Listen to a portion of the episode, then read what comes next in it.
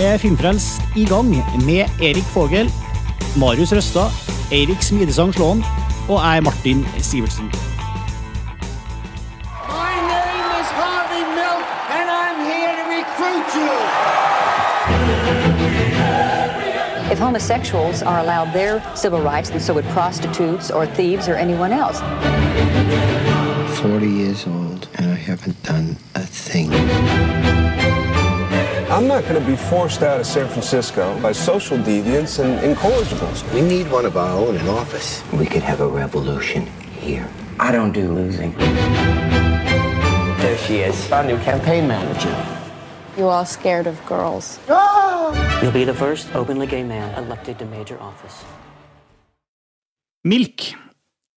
Den har vi sett eh, alle mann, bortsett fra Hvem av oss har ikke sett den? Jeg har ikke sett den. Nei.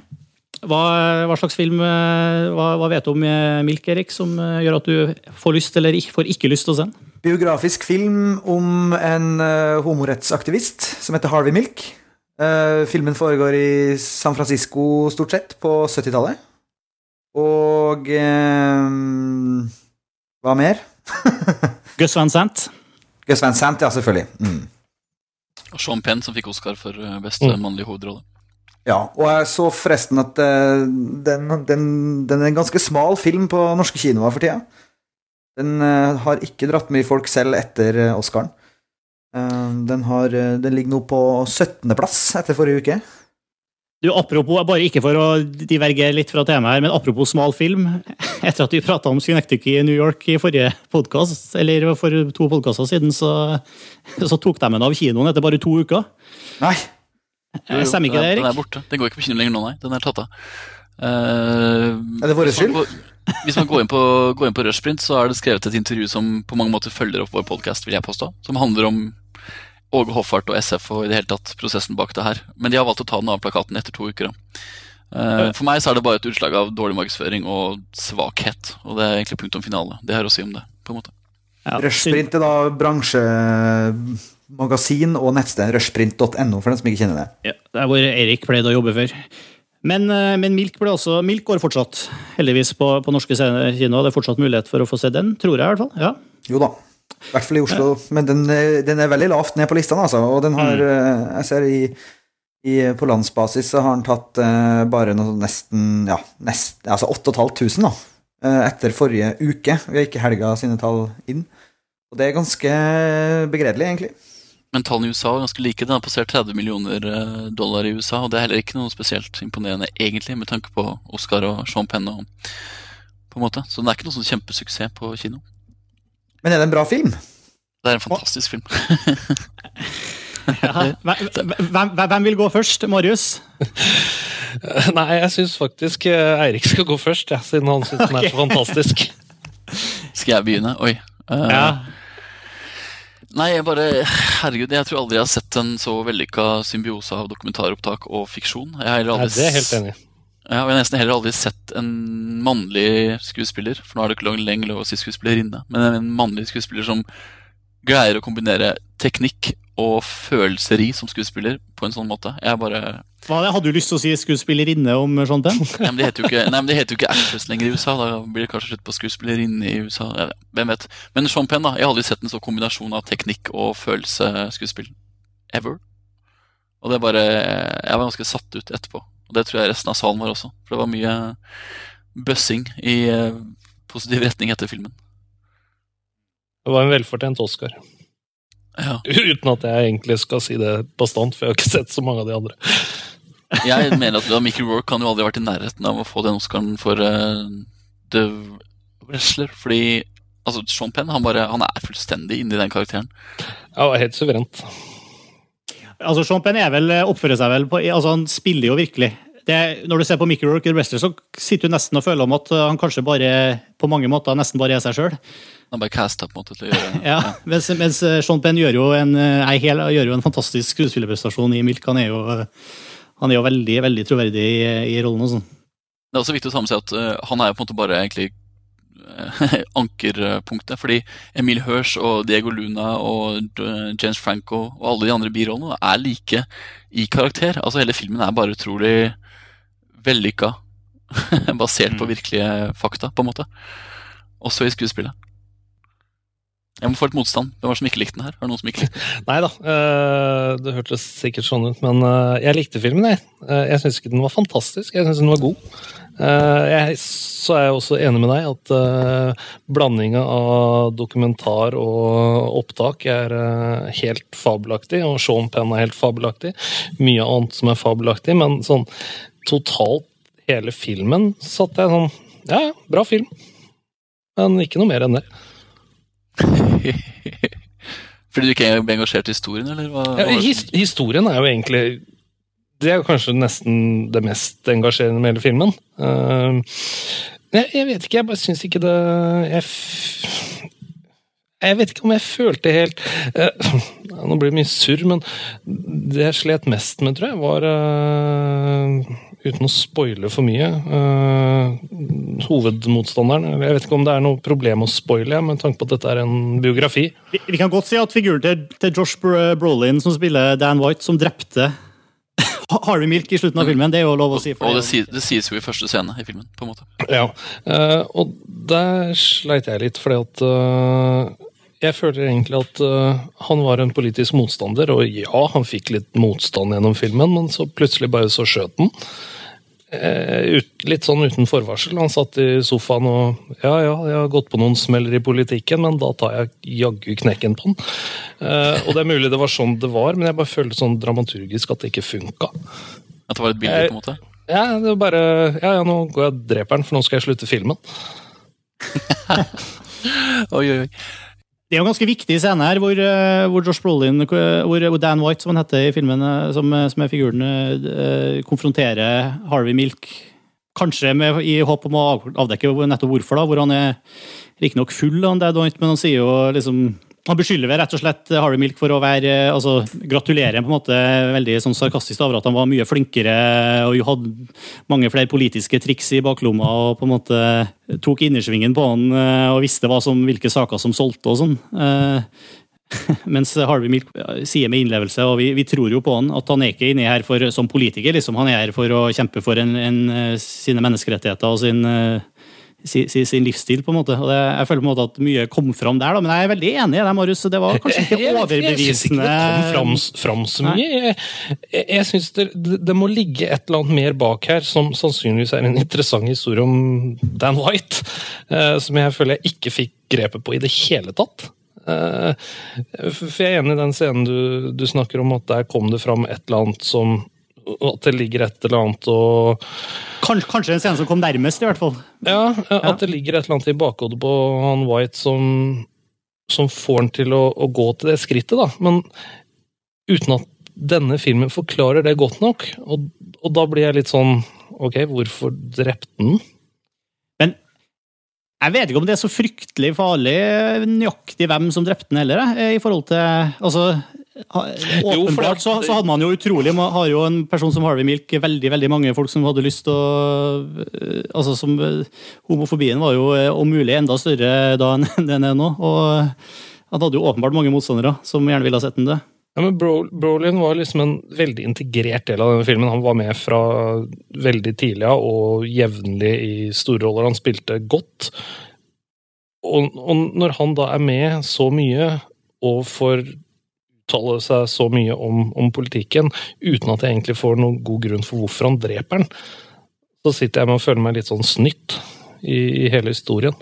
Det, det må være et eller annet som ligger her. Det, det er mulig det ikke er kjent i det hele tatt sånn i et historisk perspektiv, men jeg bare føler at jeg ikke har fått den historien jeg fortjente. Jeg, men jeg, jeg, jeg følte faktisk at jeg fikk uh, Ja. egentlig det motsatte. Spesielt fordi han, han starter på en måte opp som en likemann ikke sant, med Harvey Milk, og de er begge politikere og skal gjøre karriere. og Han starter som en egentlig stor autoritet i starten av filmen. Dan White. ikke sant? Men sakte så tar man på en måte av de lagene, og så blir det etter hvert en ganske stakkarslig mann som til slutt sitter i undertøyet ikke sant? og skal eh, da skyte denne Harvey Milk.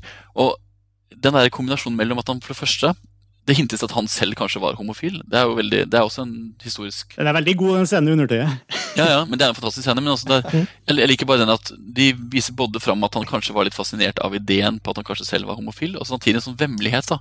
Altså Han, han syns det er ekkelt, alt det med Harvey Milk og at han faktisk er homofil. Og den der schizofrenien i karakteren føler jeg kommer veldig godt fram.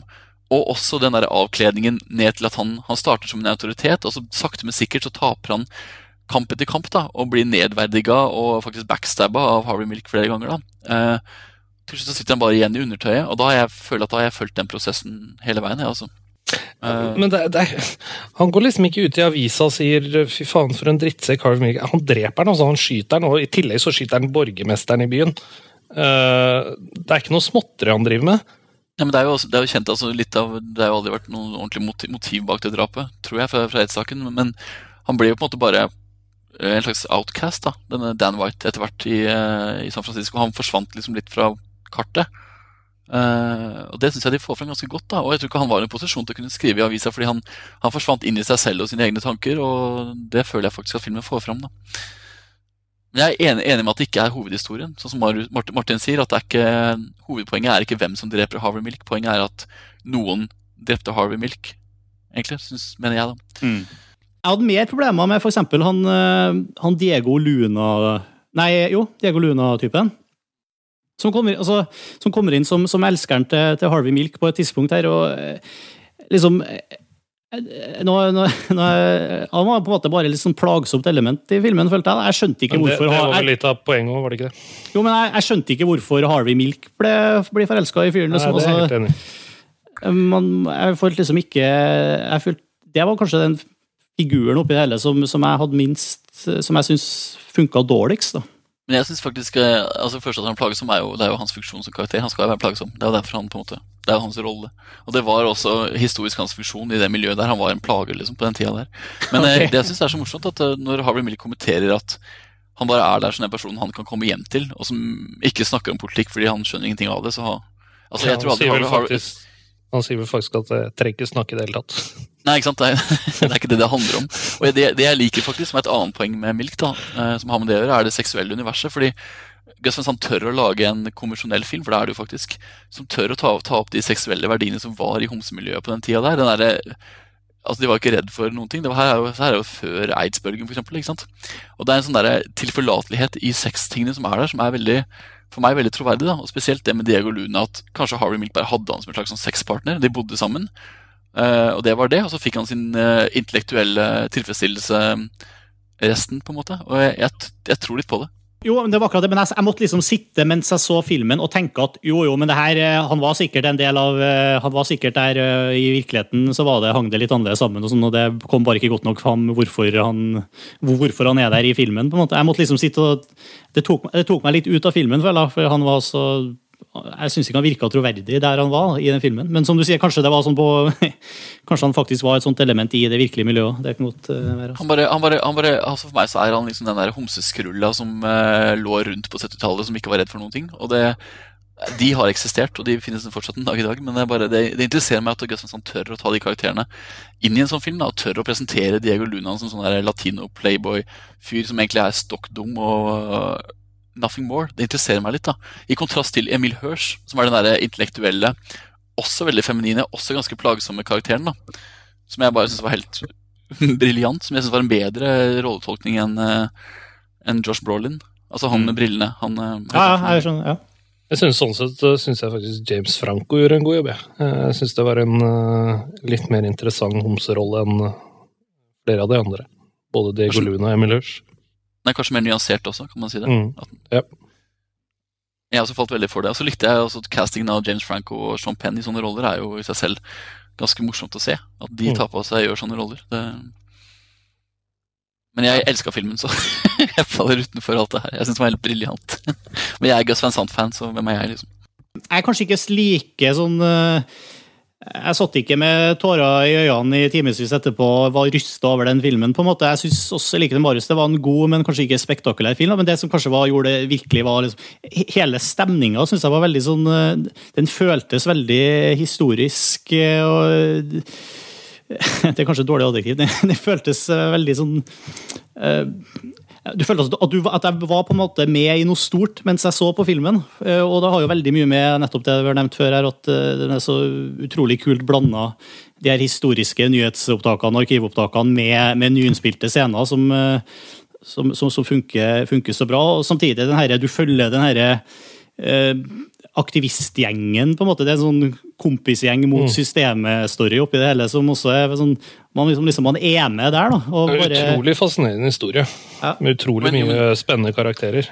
Og, og, så er det store politiske avgjørelser som, som handler om, om, ting som uh, Og så slo meg litt sånn samtidig liksom hvor langt og samtidig hvor kort vi har kommet.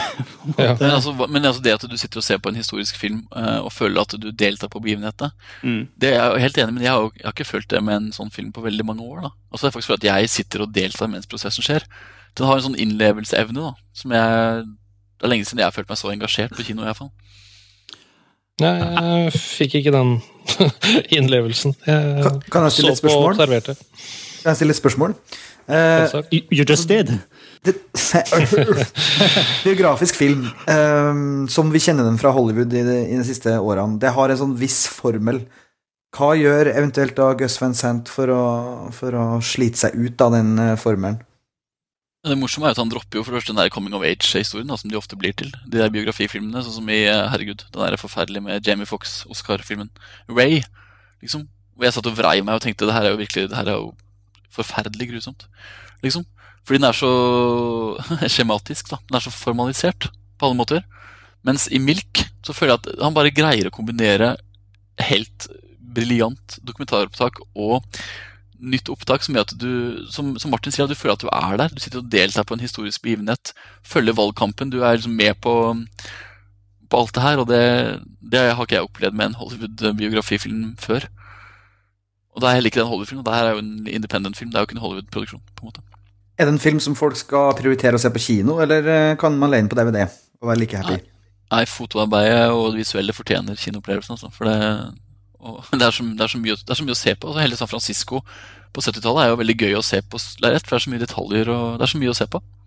Men eh, jeg vil kanskje si at måten du stiller spørsmålet på, Erik, jeg vil kanskje si at det er en mindre altså, Sammenligna med f.eks. Watchman, som vi prata om i forrige episode, så tror jeg kanskje Milk jeg tror jeg er en mindre viktig film å se på kino. Jeg vet ikke, Hva syns du, Marius? Uh, nei, nå har ikke jeg sett Watchmen, så sånn så det er vanskelig å, å, vite. Men uh, Milk er, er, en fantastisk god historie med uh, noen flotte skuespillerpresentasjoner. og ja, klippet av, av, det historiske og, og detaljene i bildene og sånn er, er, fine, men du kan like godt se dem på en DVD. ass. Det er vel litt sånn, Jeg husker vi pratet om det, Erik. Om det, vi vet jo nesten ikke hva som Det er vanskelig å se rett og slett hva som er eh, historisk arkivopptak, og hva som er i enkelte scener, og hva som er nytt. Altså jeg, jeg, jeg så den sammen med lillesøster, og hun hadde ikke lest så veldig mye om Milk, for hun er jo ikke like filmfanatisk som meg. på en måte. Hun er litt mer normal, for å si det sånn. Og eh, hun spurte meg om hva budsjettet var, for hun skjønte ikke at de kunne gjøre det i San Francisco altså store innstillinger av masse mennesker som går i tog eller uh, mm. helikoptershot over uh, forskjellige bygninger. Altså Hun skjønte ikke at de hadde råd til det, og så sier jeg at det var dokumentar. Altså, hun hadde ikke tenkt tanken. Spennende. Nei. Og Det er en veldig oppegående dame, så hun hadde, hun, hadde, hun hadde, sett hvis det var dårlig. Men det som jeg mener med det visuelle, er at uh, det er noe med at det, det, er så, det, er så, gjennomført at hvis man er interessert i film, som film, så er man også interessert i visuelle uttrykk. Og Gus Van Sant er også en veldig fantastisk og veldig egenartet visuell i seg sjøl. Og hans univers er verdt å få med seg på kino. Punktum. Egentlig uavhengig av om filmen er god eller ikke. Erik, får du lyst til å se den, eller? Jeg gjør det, altså. Jeg gjør det, Men jeg tror nok det blir en DVD-tittel for meg. Ops. ja. det, igjen, da. Vi har det samme problemet hver eneste uke på Filmfrelst nå i vinter. For det går så fryktelig mye bra film på kino. Og, og i forhold til det der prioriteringsløpet der, når man, når man ikke har liksom tida til å faktisk se alt, så er det, er det vanskelig. Jeg tror, tror Milk taper. Ja. Jeg, jeg, har to små unger, og sånn sett så er det ikke så ofte jeg får komme meg på kino. Den her hadde vært uh, langt ned på lista på kino, kinoprioriteringa. Altså. Men du prioriterte den bare fordi eh, Fordi vi skulle snakke om den på Filmfrelst. Og det er, det er, en veldig bra prioritering. Ja. Men skal vi prate litt om de filmene vi faktisk har sett i det siste? Eh, jeg trenger ikke være på kino. Det kan være på, på, ikke som helst annen mulig kanal. DVD. Jeg kan, jeg kan, ta opp tråden fra filmfrelst for et par episoder siden, nemlig Frost Nixon. Den har jeg sett. Den har du sett nå? Ja, og da, i den uh, filmfrelst-episoden hvor vi snakka om den så vidt, så ble jeg litt sånn bua for at jeg ja, kunne tenke at en Ron Howard-film kunne være interessant. jeg uttalte vel kanskje til og med at den var en uh, middels bra film? Ja. Men jeg syns det var en middels god film. Uh, uh, eller, eller, over middels god film. Uh, men jeg syns også du skal ha rett i at den var ingen, ingen fantastisk superfilm. Det var den ikke. Men jeg, jeg, anbefaler den for folk som er interessert i, i Nixon-æraen og i, i Ja, faktisk i, i, amerikansk politikk, fordi den er den, den, går veldig tett på Nixon-karakteren, og han Langella som spiller spiller Nixon er, er, jævlig bra, rett og slett. Så det er en skuespillers film, tydelig basert på, en, på et teaterstykke. Uten at det er noe problem, fordi du, du, blir veldig sugd med i det. Og det tar en stund, den bygger seg opp over tid, men mot slutten så, så smeller det. Eh, så den syns jeg, synes jeg var definitivt verdt å se. Og hvis du er interessert i Nixon, først og fremst, så er det her en bedre Nixon-film enn Watchmen. Mye bedre. hva, hva, hva har du sett, Marius? Eh, jeg har egentlig et spørsmål jeg, til dere andre. Eh, for jeg går ut fra at dere har sett De usynlige. Jeg har ikke sett den. Nei, ja, faktisk ikke. Hæ? Ingen, ja, jeg vet det. som har sett den? Eirik, du har kjefta på meg på en tidligere ja, Filmfellsepisode ja, for det samme. herregud. Ærlig talt. men, men Eirik har sett den? Ja, jeg har sett den. Okay. To ganger. Da kan jeg spørre deg, da. Uh, ja. Fordi at uh, det er tydeligvis et eller annet jeg misser her. Jeg syns ikke det var en spesielt bra film. jeg.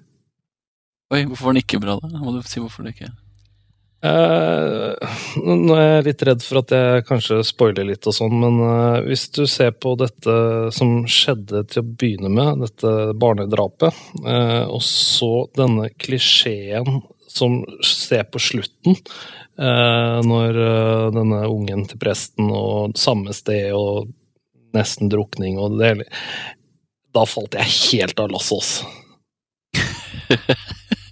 ok. Ja, du, du fulgte ikke historien, eller du bare avviste hele Nei, for, for, for, det første så fikk jeg ikke noen sånn stor sympati for de jeg tror jeg skulle få stor sympati for. Uh, og, og, jeg satt litt sånn hele filmen og for når jeg, når jeg, begynte å se den, så så jeg at den hadde fått hva var det, seks i stort sett det som er av landets aviser. Uh, og det er jo litt av problemet, for da får du jo noen forventninger som er skyhøye. Men da satt jeg igjen med hele filmen og egentlig sånn Litt sånn som jeg satt med Milk, egentlig. Dette er en god film, uh, men ikke noe mer. En utrolig engasjerende historie, egentlig, på samme måte som Milk. Men jeg syns ikke de klarer å gjennomføre Uh, i, i, i, denne historien så, Begge de historiene som er i Det usynlige, er egentlig utrolig uh, engasjerende med, med dette, denne karen som kommer ut av fengselet, og rehabilitering og hvordan komme seg inn i vanlig liv igjen.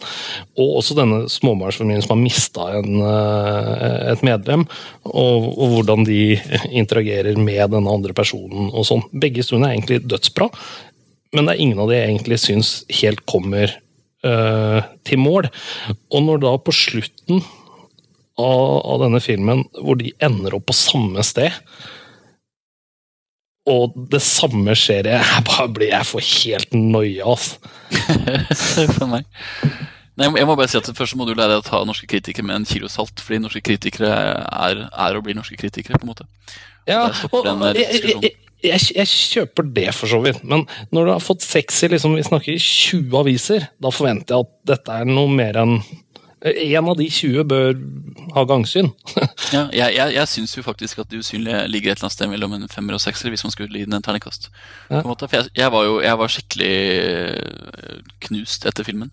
Men Trine Dyrholm, da, hun danske som spiller uh, kvinnelig ja. hovedrollen, hun bare, For meg så, så, bare gjorde hun hele filmen. Og for meg så holder det veldig ofte at en skuespiller er så bra, for da, da bare drømmer jeg meg fullstendig bort i skuespillet. Og jeg syns hun, hun, var så lidenskapelig, og hun var så troverdig, og hun var så Åh, hun var så bra. Så jeg bare så litt bort fra det at ok, kanskje var den litt unødvendig pompøs, kanskje var den litt platt, kanskje var hele klippekonseptet kanskje litt kjedelig. Eh, kanskje var fotoet litt for tydelig, og osv. I sum så ble jeg veldig engasjert. Og jeg blir ikke så veldig ofte engasjert av norsk film, verken visuelt eller narrativt.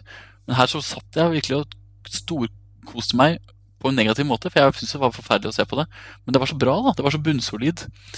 Og det, når jeg kan se en norsk film som jeg bare kan oppsummere som bunnsolid, så for meg er det nok, nok argument til å gå og se De usynlige. Men terningkast seks, eh, burde ikke det indikere at veldig mye burde stemme? Kanskje ikke? Jeg synes, ja, jeg bare sånn, Hele terningkastsystemet er jo litt sånn der, Det er ikke akkurat helt Kanskje ikke det mest oppegående systemet, men jeg tenker at skal man anmelde en film ut ifra seg selv da, og være seg selv nok, på en måte, så er den kanskje en terningkast fem et eller annet sted. Men skal du sammenligne den, da, som veldig mange norske filmkritikere gjør, at de setter det i bås sammen med andre norske filmer osv., så, videre, så er den kanskje en sekser. Fordi det finnes jo veldig, i hvert fall for meg er det veldig få norske filmer siste årene som har vært så engasjerende. da, følelsesmessig. Det er veldig mye bra norsk film, men jeg har sjelden sett det så men får, får, norsk film ufortjent god omtale i, i, norske medier fordi de dømmes på et annet grunnlag enn enn f.eks. amerikanske produksjoner som som regel har liksom 10-50 ganger så stort budsjett? Eh, jeg syns norsk film får generelt en veldig ulegitimert kritikk. Ikke Verken dårlig eller bra, det er bare norske kritikere. De, de tar ikke norsk film på alvor. De bare slenger ut et terningkast, og så er de ferdig med det. Og nå er det ofte sånn at nå har filmer ofte fått Mange har sagt om at de har fått bedre terningkast enn de kanskje fortjente. altså Ekstra øye på terningen. Nå er det mange som snakker om at nå er det motsatte. Nå får de et øye mindre, for nå skal norske kritikere være så kritiske. Alt er jo bare tøys. altså De burde begynne å ta norsk film på alvor og snakke og analysere og anmelde norsk film. Men eh, norske filmkritikere anmelder jo heller ikke utenlandsk film med så veldig mye belegg, så ja, jeg er ikke noe særlig glad i kritikere. Det fins jo noen hederlige unntak, da. Jeg leser jo gjerne Øyford Allandvik sine Ja, ja, men det er fantastisk. Det er, det er unntak, faktisk. Det er tre-fire, men de er unntak. Men er det vanskelig å prate om uh, norsk film for, uh, for, nordmenn, fordi det er så man, man kjennes, altså det er så lite miljø at man ender opp med å prate om folk man kjenner stadig vekk? Jeg mener, jo, men, okay, men for meg som filmskaper sitter og snakker om norske kritikere er kanskje en dum greie, for så kommer jeg sikkert til å få Nå får du dyn ut, Erik. Nå blir det fint. Ja, ikke sant? Men jeg, bare, jeg, jeg, savner en ordentlig filmkritikk. da. Jeg savner at folk tar filmen på alvor. Jeg savner for at en eller annen fotograf gidder å gjøre en, eh, en eller annen gidder å gjøre en analyse på fotoarbeidet usynlige. Istedenfor å bare si at ja, det var heidundrende flott foto, og det var nydelig klipp og det var bra skuespill til en dyrhånd. Så er det ingen som snakker om prosessen, det er ingen som snakker om hva det fotoet bidrar med til historien. Eksempel. det er det ingen men, som snakker om. Men hvor skal man prate om det? Eh, hvor, hva er mediene for å prate om eh, film på den måten her? Det, gjør, det, det der gjøres nesten ikke med filmer uansett, med norsk eller ikke. I, i hvert fall ikke i, i dagspressen. Men altså, skal, man ha, skal, man ha, filmjournalistikk, så må man enten gå på montasj, montages.no, om en par måneder. Der kommer det til å bli filmjournalistikk. Eller så må man eh, gå til utlandet og se på utenlandske anmeldelser av norske filmer. Men jeg, du er selvsagt helt objektiv i forhold til å snakke om Ja, jeg er helt objektiv. Jeg er helt objektiv. Ja, ja, selvfølgelig. Nei, det, også, det, handler, det, handler, om én ting, at man, man må snart begynne å ta filmen på alvor også i, i Norge også i forhold til journalist, eh, journalistikk. da. Det er veldig få som egentlig gjør det, med visse unntak, mener jeg. Det jeg savner sjøl, er jo at norske filmer anmeldes som filmer, ikke som norske filmer. Um, at, uh, at, man har en, en, en kritikk som altså hvor det er likegyldig hvor filmen kommer fra, hvor man anmelder den på sitt premiss, og ut ifra hvem filmen eh, eventuelt eh, Altså, jeg er litt på det her med å i hvert fall i forhold til massemedia, eller altså, ting som ikke er spesifikt nisje, nisjeblader eller, eller nisjenettsted retta mot filmelskere. Når du tenker på liksom den store masse, så tenker jeg at uh, film er, film, filmanmeldelse er, er forbrukerjournalistikk også. Eh, og da handler det om å, om å, å ta på alvor eh, hva filmen prøver å oppnå, og, og hvorvidt den lykkes eller ikke med det, istedenfor eh, at uh, ofte kommer filmanmelderen selv i veien for anmeldelsen. Det jeg vil ha, er at jeg vil ha anmeldere som tør å gå inn i den norske filmen og snakke om noe annet enn bare de overfladiske regigrepene. Tør å gå inn og se på motivasjonen for å gjøre enkelte ting, da, både visuelt og narrativt. Det er det ingen som snakker om. Det krever kanskje også betydelig mer kompetanse for en anmelder. ja, altså er det vel også et snev av hvem som er publikum her. Jo, men det finnes jo nettutgaver av det. sånn som eh, Hvorfor kan ikke liksom Aftenposten bare da, da kanskje lage to avsnitt lengre anmeldelser i nettversjonen, for eksempel, og tillate seg å gå litt i dybden? Ja, men er, er, pub er publikum noe annerledes i nettutgaven? Nei, men altså, Poenget er, hvem er, hvem er leseren? Jo, men publikum er jo interessert i sånne ting. Jeg mener, det, Sånne ting fungerer jo i utlandet. Jeg tror ikke norske publikum er så veldig mye mer kommers enn uh, ellers i Europa. Det finnes jo altså franske anmeldere, tyske anmeldere osv. I hovedsak de er jo selvfølgelig opptatt av det samme som de norske, men der tør i hvert fall enkelte av de å gå inn i dybden. Og det finnes, det finnes steder man kan gå for å lese analyser av uh, tysk film skrevet av tyske kritikere. Det har vi nesten ikke i Norge. Det syns jeg er veldig traurig, for da kan heller ikke vi lære noe særlig av hva vi gjør feil på de norske filmene. Føler jeg. Altså, jeg vil ha større dialog da, og større debatt om norsk film på en annen måte. Problemet er vel tid. Det er jo en uh, pressa virkelighet for de fleste kulturredaksjonene rundt i landet. Det er vel derfor en del av problemet. Ja, absolutt. absolutt. Ok, flere filmer vi har sett. Det var langt om de usynlige og, og norsk film her. Vi kan begynne å snakke om The Reader. Jeg har sett The Reader i, i Berlin, og den har jo hatt norsk premiere. Kate Winslet sin Oscar-rolle, endelig. Som er en halvveis kjip filmopplevelse, men som bør ses pga. Kate Winslet. det er det eneste jeg har å si om den. Fikk ikke hun Oscar for den rollen? Jo, jo, men hun har jo vært nominert til Oscar nå seks ganger, og får den endelig. Og hun får den for en rolle som er som venstrehåndsarbeid for henne, for så vidt. Eller hva kalles det? Høyrehåndsarbeid. Uh, hun er som veldig bra, men hun er jo alltid bra. Men gå og se filmen pga. henne.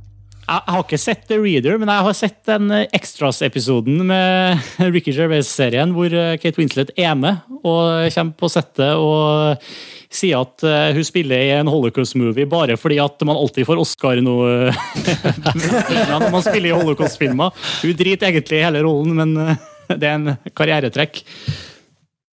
Så det viser seg å Skjebnens ironi vil ha det til at det ikke all came true. Mm. Men eh, det, det høres ut som du bare syns det var sånn passe, passe god, Erik? Nei, men de hadde jo ikke, altså Problemet er at den filmen ble jo rusha inn i uh, passproduksjon fordi Harvey Weinstein, produsenten, trengte en Oscar-film. Man skal være helt sånn Det er iallfall det som er ettermælet filmen har fått. da, At Harvey Weinstein, som er da The Weinstein Company-mogul-produsent, som har fått masse Oscar før, ikke han personlig, men filmen hans Han trengte en Oscar-film, for det hadde han ikke. Så han, Scott Rudin, den andre produsenten, ble nærmest overtalt til å avslutte postproduksjonen et eller annet tre-fire uker før uh, den egentlig skulle være ferdig. Og det synes i klippen, fordi det er en um, fantastisk visualisert film. Den har fantastisk produksjonsdesign, ikke minst. Og bra skuespill, og alt ligger der. Og det er Steven Daldry som lagde The Hours, som laget den. Men problemet er jo at Steven Daldry er jo en, um, en feinschmecker. Altså han er en, han er en sånn flisespikker-regissør, som alle som har sett The Hours, jo har sett. Og så får han ikke tid til å fullføre det, og så blir det en litt sånn halvveis gjennomført film som ikke helt engasjerer. Fordi klippen er ganske dårlig. Og det handler om tid, tror jeg. Så du sier at uh, Directors Cut-versjonen blir veldig bra? Ja, hvis den kommer. Jeg tror kanskje Steven Daldry han var, han var i, i, i, i, Berlin og snakka på pressekonferansen og virka som han på en måte Han var litt ferdig med filmen, fikk jeg følelsen. Han var litt sånn lei hele prosessen. Og nå skal jo han over til å lage noe helt annet, en eller annen musikal. Så jeg tror kanskje han egentlig ikke, ikke kommer til å gå tilbake til den, faktisk. Men se den på DVD. Det er ukas DVD-anbefaling når den kommer om tre måneder. Ehm, jeg har jo vært på litt sånn eh, utdanna meg sjøl litt igjen eh, og sett filmer som jeg burde ha sett for lenge siden. Blant annet eh, hadde jeg en hel, helaften med Solaris. Ja! hvor, jeg, hvor, jeg først, hvor, jeg, først, så uh, Tarkovskij-filmen, og så uh, Steven Soderberg-remaken etterpå. Å, herregud. Og, den, og, den er jo dritlang, den uh, Tarkovskij fra, fra, fra 72. Um, og det var, det var, en skikkelig fin filmkveld, altså. Jeg anbefaler absolutt uh, folk som ikke har sett Solaris, å plukke opp igjen. Det, det, som, jeg vet ikke, det som fascinerer meg så mye med, med, med det, at det er på en måte en type sånn sci-fi-sjanger uh, uh, som, som prøver, har ambisjoner da, om å stikke litt dypere. Og det, det fascinerer meg veldig. Den, og den er jo selvfølgelig, det har jo selvfølgelig sammenheng med at den er basert på på boka til Stanislav Lem, som jeg dessverre ikke har lest, men som jeg skjønner er en veldig sånn uh, Han graver litt i menneskets syke når han skriver, og det, det liker jeg. Men uh, uh, der må jeg nesten Altså, jeg vet det er kanskje heresy å si det blant filmkjennere, og sånn, men jeg, jeg satt nesten like mye pris på 2002-remaken som jeg gjorde på originalen. Og det har kanskje med at jeg føler at den var veldig altså den er jo veldig lang og dvelende. Den, har, har, dere sett uh, filmen, dere? Ja. Men jeg, jeg, så dem med veldig lang tid imellom, så jeg likte den første. Og jeg syns for så vidt eh, Clooney og kompani gjør en bra Og Soderberg gjør en bra mm. de, de, tok jo rett og slett og Hollywoodifiserte den. Fordi den, det er jo en veldig sånn eh, treg, lang film, den første Solaris-filmen. Og på, på, godt og vondt, egentlig. Og de, de, tok jo rett og slett og komprimerte den og, og, og kanskje mer fokus på, på forholdet mellom, eh, mellom Hollywood-stjernene i, i, hovedrollen, altså Clooney og hun eh, Natasha McElhone, som har en fantastisk umenneskelig utseende. Og, og det, det, funker veldig bra på sin måte, men Og tok kanskje bort litt av den der mer filosofiske dimensjonen som ligger i, i originalfilmen. Jeg, kanskje største problemet med originalfilmen er at den er veldig datert. Da. Den føles eh, veldig eh, litt sånn eh, upolert. Da. I forhold til f.eks. For 2001, og sånn som er fra samme periode. Altså, så, så, som liksom holder seg mye bedre, syns jeg.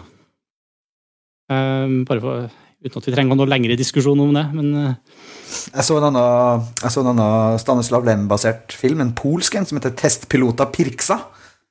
Som, eh, altså det er blitt laga masse fantastisk østeuropeisk, særlig polsk science fiction med, basert på hans historier. Og Testpilot av Pirksa det er sånn eh, replikanthistorie hvor eh, hovedpersonen eh, er en robot uten å helt uh, vite jeg, Nei, jo, han vet det, men uh, hans, de folkene han er med på en sånn romfart, de vet ikke. Og, og det er utrolig et eller annet eget, altså både med Solaris og, og den. Eh, at liksom østblokk-sci-fi, det er noe Det syns jeg faktisk er utrolig kult. Veldig ofte. Sub-sub-sub-sjanger omtrent? Ja. Nei, anbefales. Uh, jeg skal bare si én artig ting om Solaris. Det er en sånn uh, sekvens i Solaris hvor, de kjører, hvor det skal være sånn uh, futuristisk by de kjører rundt i. ikke sant? Helt i starten? Helt i starten, Og det er en lang lang sekvens hvor, som bare er bilkjøring i Tokyo. Mm. For det er, bare, det er i Tokyo, og Tokyo så jo såpass eh, Jeg regner med at det var fordi Tokyo så så alien ut for, eh, for østblokk-sci-fi-gjengerne. At de bare brukte det, og uten eh, egentlig noen effekter eller noe. Bare kjørte bil. Det er sikkert mange mange minutter som er bare stille bilkjøring som en slags sånn effektshot, egentlig, uten at det var noe effekt i hele tatt. Den bare kjørte gjennom eh, Tokyos uh, motorvei. og Det er en veldig sånn pussig scene. Altså. Men uh, jeg har sett en annen klassisk film som jeg burde ha sett for lenge siden. Jeg har sett Jacob's Ladder. Mm. Oi. Er det en klassiker, Martin? Jeg vet ikke. Jeg syns det var kjempebra. det er mulig at den er litt for ny til å være en klassiker, men Er det en klassiker om 30 år? jeg vet ikke. Jeg syns det, det, var en stor seeropplevelse, i hvert fall. Eh, du, du likte den ikke så godt, Erik? Nei. Jeg syns den var veldig sentimental, jeg, faktisk. Jeg bare Ja. Jeg lot, jeg lot, meg virkelig rive med av den, altså. Eh, med veldig sånn enkle virkemidler og veldig mye basert på på ting du ikke ser, eller shake, ting som var off camera, eller ting som var skjult av strobelys, og, og liksom veldig sånn billige virkemidler. egentlig, Så da var det en, en egentlig ganske sånn Jeg følte det var en veldig effektiv psykologisk horrorfilm. da, med ja, jeg ble veldig positivt overraska over den. Og litt sånn Ja, det har nesten litt sånn campy 70-tallspreg over hele greia, men, mm, mm. men jeg likte den veldig godt, altså. Kan absolutt anbefale, i hvert fall. Hva, hva var det som gjorde at ikke du likte den, Erik? Nei, jeg bare jeg er, så, jeg er så veldig var på sånne litt sånn sentimentale ting. Jeg bare på en måte Sentimental? Er ikke sentimental, hva skal jeg kalle det for noe. Jeg, bare, jeg tror kanskje jeg bare avviste hele filmen, jeg, på en måte. Og da, da forsvant den for meg. Ja. Uh, men skuespillet er jo ganske bra, da. Jeg må jo si det. Nei, jeg vet ikke. Den, ikke, altså, den er kanskje en klassiker, jeg vet ikke. Har dere sett den, Erik eller Marius? Jeg har sett den, men det er lenge siden. Jeg husker han gjorde inntrykk, men det er stort sett det. Jeg har ikke sett den. Grunnen til at jeg har sett så mange sånne filmer nå, at det, det har vært sånn eh, bra Jeg har kjøpt så mye filmer på play.com i siste, for de har hatt så mye, utrolig mye gode tilbud. Så det er bare en sånn plugg der. Eh, det er fem, fempundsalg over en lavsko. Jeg kjøpte Douglas Sirk Collection på platekompaniet i går. Ja. Til 179,50 for uh, syv uh, Douglas Sirk-filmer. Så jeg skal ha melodrama-retrospektiv uh, framover. Jeg bestilte 14 Hitchcock-filmer for 18 pund. ah, har du kjøpt den samlinga? Ja, en boks. Den, den, må vi, den, må vi, linke til på, linke til på under podkasten. Ja. For den er jo en must have i enhver hylle. Ja, nei, det var uansett nok, nok reklame for play.com. Flere ting vi har sett i siste. Jeg uh, hørte på hva dere snakka om uh, i vår første episode om Slumdog Millionaire, og tok en titt på Sunshine. Ja. Eh, og det var jo en gledelig affære, egentlig. Eh, helt til eh, de måtte introdusere en eller annen jævla alien-faen der også. Eh, den filmen syns jeg var knallbra hele veien inntil de kom dit. Jeg skjønner ikke hvorfor de på død og liv må gjøre sånn i bra filmer. Jeg er var- helt det var- enig. enig. Jeg, kunne, jeg kunne ikke være mer enig, Marius. Jeg er helt, helt enig med deg. Det var vel akkurat det Erik og jeg sa også i første episode. ikke? Det var det. Ja, jeg Åh, jeg blir Nei, jeg blir bare lei meg. Men det er så synd, da, for filmen er jo så bra fram til det punktet. Den er jo så bra. Og plutselig så er det bare en sånn shaky cam-mølje på slutten. Men Danny Boyle uansett. Danny Boyle-filmer anbefales uh, uansett. Det høres ut som vi har prata oss tom i dag. Skal vi gi oss der? Det kan vi godt. Det gjør vi. Eh, Filmfrelst er nå ukentlig, så uh, da høres vi igjen om en uke. Og vi må også bare sørge for å takke alle som har gjort oss, uh, i hvert fall for en liten stund siden, til Norges podkast nummer fire i iTunes. ja. Bra, ja. Vi fikk en skikkelig boost. I konkurranse, I konkurranse med resten av verden, faktisk. Det er jo fantastisk. Yep. Det er kjempegøy. Så vi håper alle sammen eh, fortsetter å høre på oss, og ikke minst legge inn positive kommentarer eh, på, i, i iTunes Music Store, eller sende send oss negative kommentarer på mail eller i kommentarfeltet. Hatmail. Ja, Og kommenter gjerne også på filmfrelst.no. det er også mulig. Og les montasj.no, som er Erik og Karstens eh, nye film-nettstedprosjekt. Jepp, jepp. Vi prates.